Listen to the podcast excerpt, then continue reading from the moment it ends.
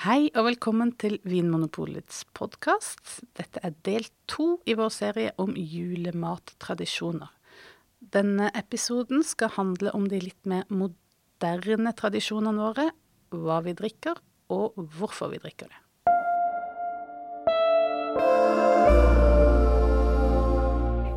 Utvalget på polet er jo blitt veldig mye større det er blitt eh, mange flere typer eh, av alle mulige, både øl og vin og brennevin. Mm. Og alkoholfritt. Og alkoholfritt. Og flere produkttyper, som sider og saker og you name it. Altså, de eh, hyllene på polet bare vokser jo. Eh, og eh, det har jo også ført til at det er blitt et behov for å gjøre et mer aktivt valg når du skal inn på polet.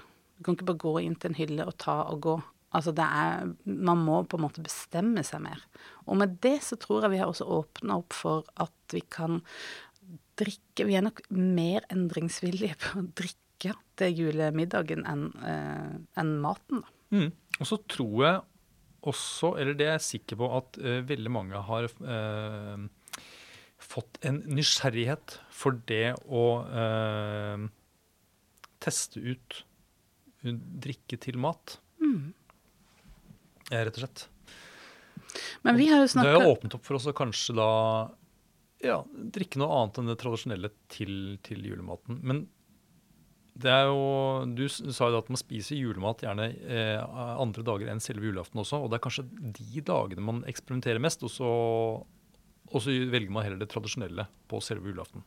Ja, for vi har jo snakka litt om det at eh, julaften, selve julaften, det er jo gjerne en oppvisning i kompromisser.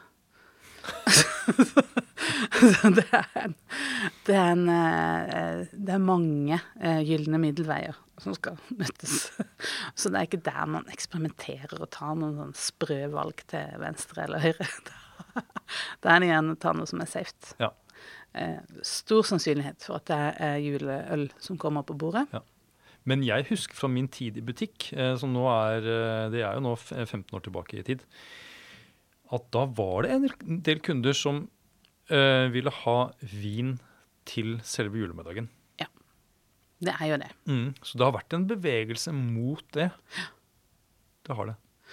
Og vi ser jo at fremdeles så er det jo november og desember som er de klart uh, mest viktigste månedene for akevittsalget.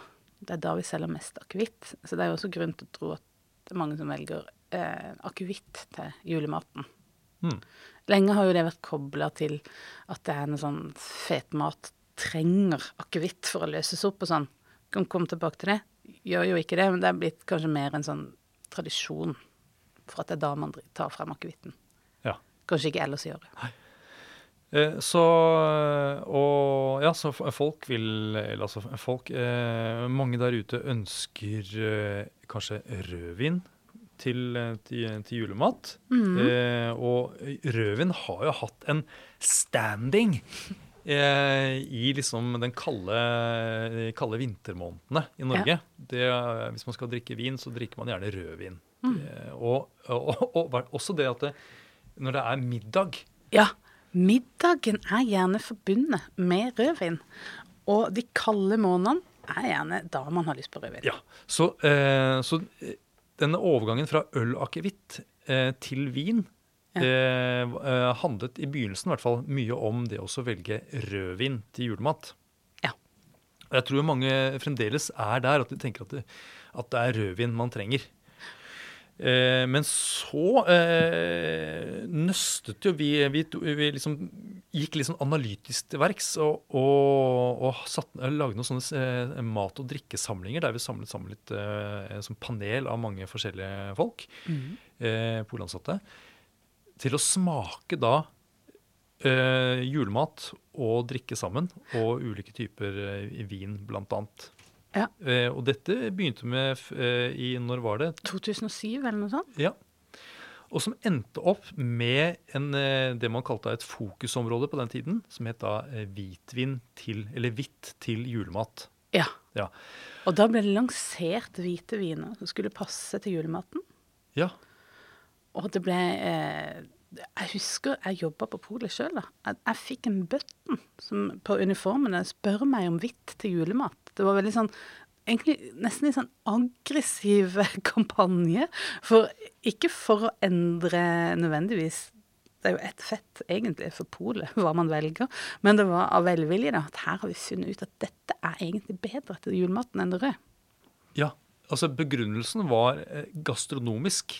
Absolutt. At man tenkte at uh, dette her er en, en god kombinasjon. Noe som smaker godt. Ja.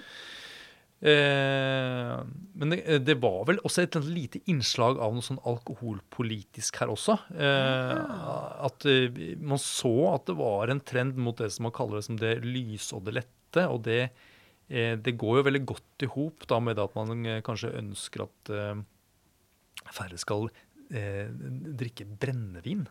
Ikke sant? ja, kanskje det ligger noe der et sted òg. Ja. Eh, nei, så da var det, en, det var nærmest en kampanje. Mm. Ikke kampanje, men altså det, Man markerte det i hvert fall i butikkene at det, nå var det hvitt til julemat. Mm. Uh, det sto om det i Vinbladet, uh, dette kundemagasinet. Og det førte til litt debatt. Ja, det ble plukka opp av vinjournalister som var egentlig litt irritert. Forarga og øh, ja.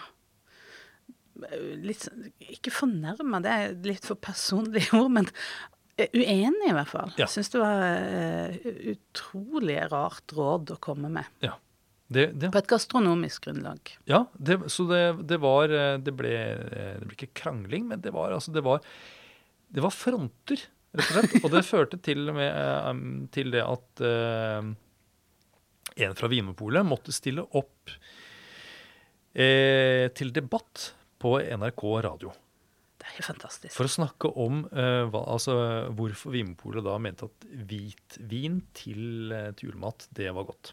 Aldri har før oss eller siden har jobben vår føltes så viktig at man skulle faktisk måtte stå og debattere det i NRK Radio.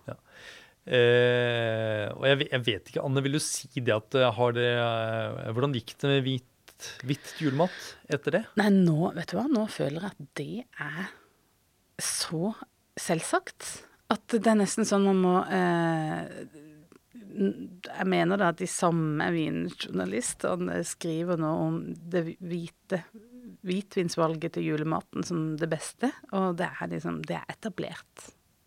Det er noe helt eh, på linje med hvilken som helst annen drikke. Nettopp. Vil ikke du si- jo, si jo, det, jo, jo, jeg tenker det. Men, men det er jo ikke Jeg tenker at hvitvin til julemiddagen jeg, eh, jeg, jeg, jeg stiller ikke med hvitvin når familien har eh, Når vi er invitert bort til en sånn familiejulemiddag.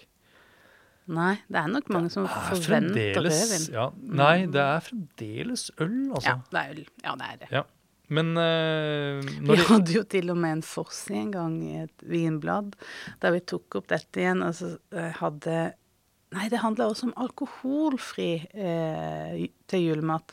Så det var forside på, på Vinbladet med en, en av våre kollegaer som stilte opp med familien sin. Og ser ut som en sånn erketypisk hvit norsk familie, for å si det sånn. Og ja. med under overskriften 'Hvit jul'. Og det ble så Altså, jeg hadde ikke sett at dette kunne leses i noen annen sammenheng enn eh, at det kunne være en, eh, av, altså en avholdsjul. at du ikke velger å ikke drikke alkohol. Men det ble også litt kontroverser rundt det, for det ble mange vi leser med et litt annet blikk, som vi kanskje burde ha sett på forhånd. Ja, det Litt flau- litt ja, flau opplevelse, jeg, det der. hus, jeg husker den forsida. Ja. Jeg gjør det. Og den koblingen mellom altså, setningen 'hvit jul', er en ufullstendig setning, da, men, Ja. Og dette bildet av denne eh, hvite familien ja. eh, ja, som noe sånn derre white supremacy-blad. Det er- var litt grann eh, Ja. Det ble litt rart. Jeg tenker at det er valg av bilde her, først og fremst, som er, som er problemet. Ja. Hadde det f.eks. vært et, bilde, et landskapsbilde av en, altså en snødekt landskap, f.eks., så hadde Ja. ikke hvit jul vært liksom, Da hadde vi ikke tolket det på den måten. Nei. Men, men det er rart, altså. Det er veldig mye med jul og rundt jul som skaper sterke følelser. Ja. Blant annet det med alkohol og fett. Nettopp. Å, jeg, jeg kjenner at den kan jeg henge meg så opp i. Kan ikke du ta det litt kort, Anders? Bare si hva var det nei, som fordi var saken? det er jo ikke bare den, uh, dette med hvitvin til julemat som har uh, skapt litt steile fronter, men, uh, men vi har jo også undersøkt, eh, og det var jo det var litt seinere, da var vi vel i sånn type var det sånn 2014-2015, tror jeg. Ja. Så uh, skulle vi undersøke litt hvilken betydning alkohol hadde for uh, mat med mye fett. Fordi i mange bøker der det står om mat- og drikkevalg, så står det at du skal velge en alkoholrik vin eller en alkoholrik drikk til mat med mye fett. Og grunnen er det at alkoholen løser opp fettet. Og det har også vært et av argumentene eh, for å velge akevitt til julemat. For, eh, nettopp fordi at da eh, denne akevitten skal hjelpe fordøyelsen og eh, løse opp fettet eh, nede i magen. Da måtte vi undersøke da, er det sånn at er det tilfelle det at eh, alkohol i form av eh, et, et brennevin klarer å løse opp fett? Og da gjorde vi en ganske sånn simpel test, egentlig. Eh, det var jeg som gjorde det. Jeg eh, tok da en, eh, et glass med vodka, som holdt da type sånn 42% alkohol. Som det blir det samme som eh, mye av akevitten. Og så oppi der så uh, hadde jeg da uh, Jeg hadde to glass, faktisk. Et glass der jeg hadde oppi en klump med smør. Og så hadde jeg et glass der jeg hadde oppi olivenolje. Mm. Uh, og så lot jeg det stå i flere uker, og det skjedde ingenting. Jeg husker vi var borte og kikka på glasset hver morgen. Ja. Hva skjer med Det var ingenting som skjedde. At det, det, var, det var ingenting av verken olja eller det smøret som løste seg opp i, i den alkoholen eller det brennevinet. Eh, og, og så måtte vi liksom vi, må foran, vi måtte forankre det litt hos en, noen fagpersoner også, så vi tok jo kontakt med eh, Var det en som jobbet med, med medisin, var det det? eh, Nei, var det, det var på Blindern. Det var, var ikke Det var mer en sånn kjemi, eh, Ja. kjemiforsker som jobbet med, liksom, med lipider og så, altså Ja. fett. Ja. Mhm. Og han, Fettforsker. fettforsker, ja. Og han, kunne, eh, og han kunne også bekrefte det at eh, alkohol ikke løser fett. Normalt sett Ja. var det veldig ansatt. Altså, fordi du må ha, og du må ha helt, helt ren alkohol Mm. for å få det til. ja. Ja. Når du blander altså ut alkoholen ned til 42% så vil du ikke ha noen virkning. Mm. Kjemisk, rett og slett. Eh, og jeg tenker at når du da i tillegg blander det ut med spytt i munnen din, så har du ikke 42 lenger. Eh, så jeg tenker at dem, altså, basert på disse to tingene, så kan vi liksom eh, si at nei, alkohol i den formen som, som vi drikker det til jul, det, det løser ikke opp fett. Og så har vi da snakket med leger som sier det at å drikke alkohol, det gjør faktisk at øh, fordøyelsen fungerer dårligere. Det går seinere. Det går seinere. Ja. Som alt i kroppen når du får alkohol i blodet, Ja. så går alt, alle prosesser litt seinere. Ja. Inkludert fordøyelse. Ja. Eh, og dette tror jeg vi både skrev om i Vinbladet, og vi snakket om det i, eh, i, i det første året vi hadde podkast. Ja. Mm. Men dette var to Først så var det det i Vinbladet. Det var to ulike akevittgater. Å ja, ja, ja, du tenker på den saken. Ja, den kan vi jo ta, den kan vi ta etterpå. Ja, ja. Men vi kan ta dette med fett først, da. Ja. Eh, Fordi eh, det, det skapte reaksjoner, men det var jo da det, det hang selvfølgelig litt sammen med at allerede så hadde vi terget på oss eh, akevittmiljøet med en annen sak tidligere. Eh, men det gjorde i hvert fall at flere her i, i fagpersoner og andre i, altså i Altså det var ja, noen i hvert fall Ja. i, i Vinpolet, de eh, var helt uenig. Og gjorde altså noen sånne egne forsøk, fordi de mente at det var det mekaniske. Altså det å, det å tygge ja. eh, sammen med alkohol. Og det som skjer mellom tunge organer. Ja, i munnen. Eh, at det, det var det som gjorde at, eh, at fettet ble løst opp av alkoholen I munnen. i munnen. Sånn at det å bare legge fett eh, og la det ligge stille i, i, i brennevin Det for var- slapt. Det var for slapt. Det var liksom, det var ikke det var ikke det som skjedde i munnen. Nei. Og det er jo for så vidt riktig. Så, så um, det, det ble gjort forsøk hjemme på eh, kjøkkenbenken eh, um, der, av vedkommende som da som smurte fett utover en fjøl, tror jeg. Ja. Og så vasket da med en klut med brennevin. Ja. Ja. Og det gikk vekk. Og det gikk vekk. Så det var et motforsøk. Det var et motforsøk. Men jeg, jeg tenker fremdeles at vi har vårt på det tørre, Ja. rett og slett. Og jeg, igjen, da. Det er sånne ting som gjør at jobben min føles meningsfull. Når det, er, når det blir reaksjoner på den måten der. Og jeg mener jo også at det er litt viktig å understreke at dette her er jo ikke en kampanje mot akevitt. For det er ofte sånn det blir liksom Å ja, skal du ta, skal du ta akevitten, da? og det er et veldig godt poeng. Men det handler jo faktisk ikke om det. Men det er noe med når man får eh, liksom testa ut noen sånne sannheter man er blitt presentert for så lenge, og som blir gjentatt og gjentatt, og får testa det ut, og det viser seg at man tenker hm, men vet du hva, det her er det faktisk ikke hold i. Det gir en sånn energi. Det utløser noe Ja. som er liksom helt egentlig frakobla selve produktet. sånn, Men det handler om å få ny kunnskap på bordet. Ja. ja for det, det, vi, det vi skulle undersøke, var egentlig disse eh, gastronomiske og helsemessige argumentene som var blitt brukt eh, for liksom å velge akevitt eh, eller brennevin til, til feit mat. Eh, og det, også, det betyr ikke at det ikke smaker godt, eller at det har en tradisjon, at, det på en måte, at man føler som at det er riktig å, å drikke uh, akevitt til julemat. Det er, ikke, det, det er vi jo ikke ue- uenig i. Nei. Nei. Men det å skyve det foran seg at man, ja, jeg må ha akevitten fordi det renser fettet. Eh, Da må man heller uh... da får man heller bare være ærlig og si at det er godt med akevitt. Ja. Men i, i, på en måte, akkurat dette her med høy alkohol og fett Vi, altså det er, jeg har, altså vi har en teori om, om, om hvorfor det føles som om det renser. Og det er jo fordi at alkohol irriterer slimhinnene våre. Mens fett gir jo denne sånn glatte, feite munnfølelsen. Så er, denne kontrasten som alkoholen skaper, eh, sånn av sånn munnfølelse, gir eh, en opplevelse av at fettet renses. ja, Det er en slags sanselig illusjon. Ja, nettopp. Litt sånn som å, å, å blåse på et, eh, et, stå, et sted du har slått deg. Ja. Du Mm. henleder oppmerksomheten på noe annet. Jepp. Og det eh, Altså, jeg er stor fan av placebo også. Så Mm. lenge jeg føler det funker. Ja. Og så får vi heller være ærlige om det. Absolutt.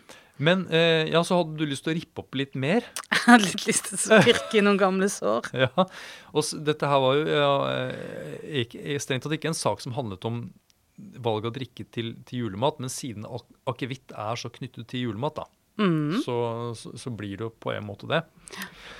Eh, fordi det som hadde skjedd da i eh, Dette var i 2011. Det var i 2011, ja, så da er vi fire, fem, ja, fire år eh, før denne saken med alkohol og fett. Ja. Så eh, hadde jeg, og Dette får jeg ta på min egen kappe. Da skrev jeg da i Vinbladet at eh, kvalitet i akevitt eh, ikke automatisk henger sammen med fatlagring. Mm. Men at det eh, betyr noe for stilen på akevitten, først og fremst. Og så sier du også i samme artikkel at når, Ja. når det gjelder å sette akevitt til mat, så, tar vi så er ikke det så nøye hva du velger, som når du velger vin. For det at uansett hva du velger av akevitt, så vil smaken av akevitten overdøve smaken av maten. Ja. Det var også det er to eh, kontroversielle utsagn som vi ikke der og da skjønte hvor kontroversielle var. Nei, for da hadde vi sittet og prøvd dette sammen.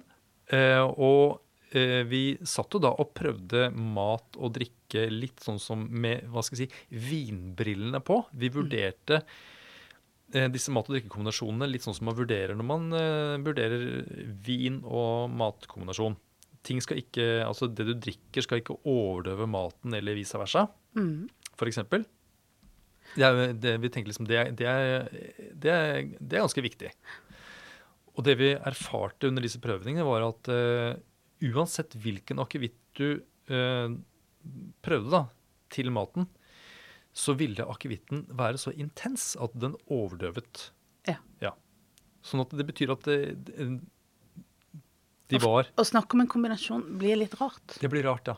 Og da, eh, så da måtte det eventuelt handle om aromakombinasjon. Ja. At eh, den akevitten har de aromaene, og det, det syns jeg passer godt til den maten. Ja.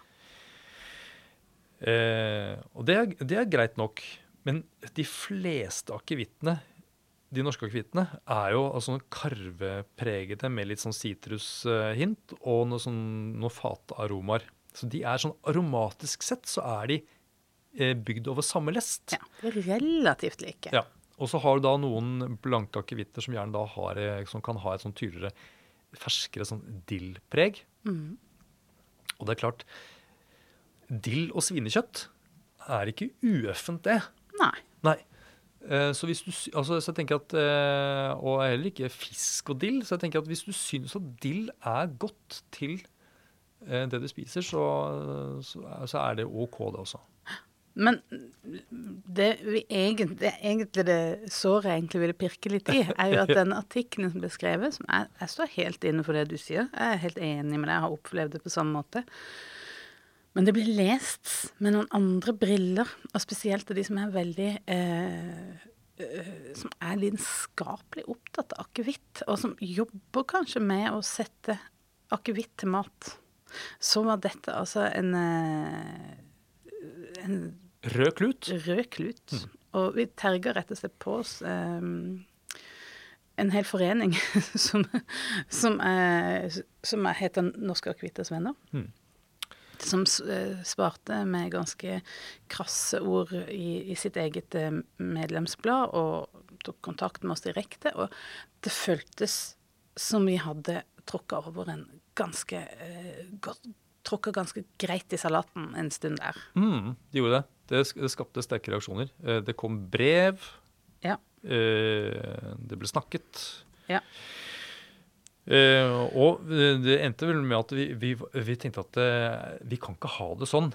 Nei. Vi, vi, vi er jo, altså både Norske Akevitters Venner og eh, du og jeg, Anne, er jo vi er jo veldig interessert i drikkekultur. Og mm ikke minst smak. Eh, og det er noe med altså, tenker, Det er heller et, fellesskap vi skal dyrke, enn at vi skal eh, krangle med hverandre.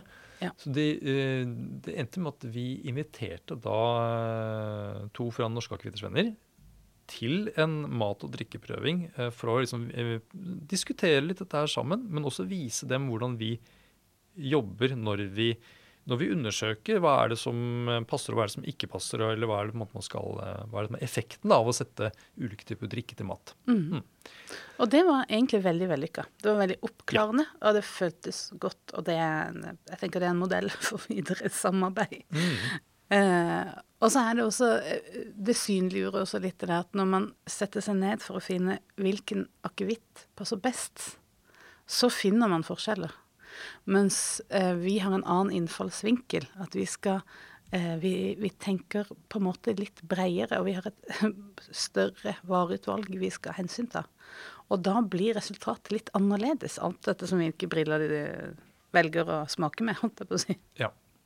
Og så må jeg også legge til at dette her var jo en tid der det gikk sport i å lansere akevitter eh, laget til uh, bestemte typer retter. Mm. Ikke sant? Uh, du kunne, nå, nå, nevner jeg bare noen fiktive sånne akevitter, sånn at jeg ikke skal gjøre noe sånn reklame. Men det kunne f.eks. vært sånn pizza-akevitt og italiensk salatakevitt. Eh, men det var gjerne ta, Tacoakevitt. Men, men, men, det var gjerne mat som var mer, litt mer enn norsk tradisjonsmat. da. Mm. Eh, men da eh, ga meg liksom inntrykk av at du, du, måtte ha et sånt arsenal av akevitter for å kunne eh, matche eh, akevitt og mat på best mulig måte. Ja. Og det var litt det vi liksom undersøkte, og vi da liksom gikk litt imot. da. Mm. Mm. Men det igjen, da, så er det på en måte Det sier noe om våre tradisjons... Altså hvor sterke vi, vi føler på tradisjonene våre. Og det sier noe om hva vi ikke skal tulle med i jula. Eh, men vi har jo også eh, prøvd å finne fram til liksom, Vi vil jo gjerne si noe nytt for hvert år. Når vi kommer rundt disse tidene her før jul, Ja. så vil vi jo gjerne finne ut Kan vi, kan vi kan vi komme med noe nytt og spennende? Kan vi, kan vi kaste et nytt lys på disse kombinasjonene? Men det er jo ganske likt. Eh, det som har endret seg, er jo, som vi har snakket om, utvalget. Så, så de siste endringene nå har jo handla mer om at vi har fått inn mer sånn norsk sider inn i dette eh, repertoaret man kan og bør vurdere når man skal velge eh, drikke til julematen. Og ikke minst alkoholfritt. Jeg, jeg føler kanskje sterkere og sterkere for hvert år at det er en viktig rolle vi har, å gi gode, eh, gode råd til hvordan man kan velge like gode alkoholfrie drikker som de med alkohol. Nettopp fordi det er en høytid som er sånn sårbar for mange. Ja. Og Som jeg også gjør denne jobben litt mer meningsfull, da.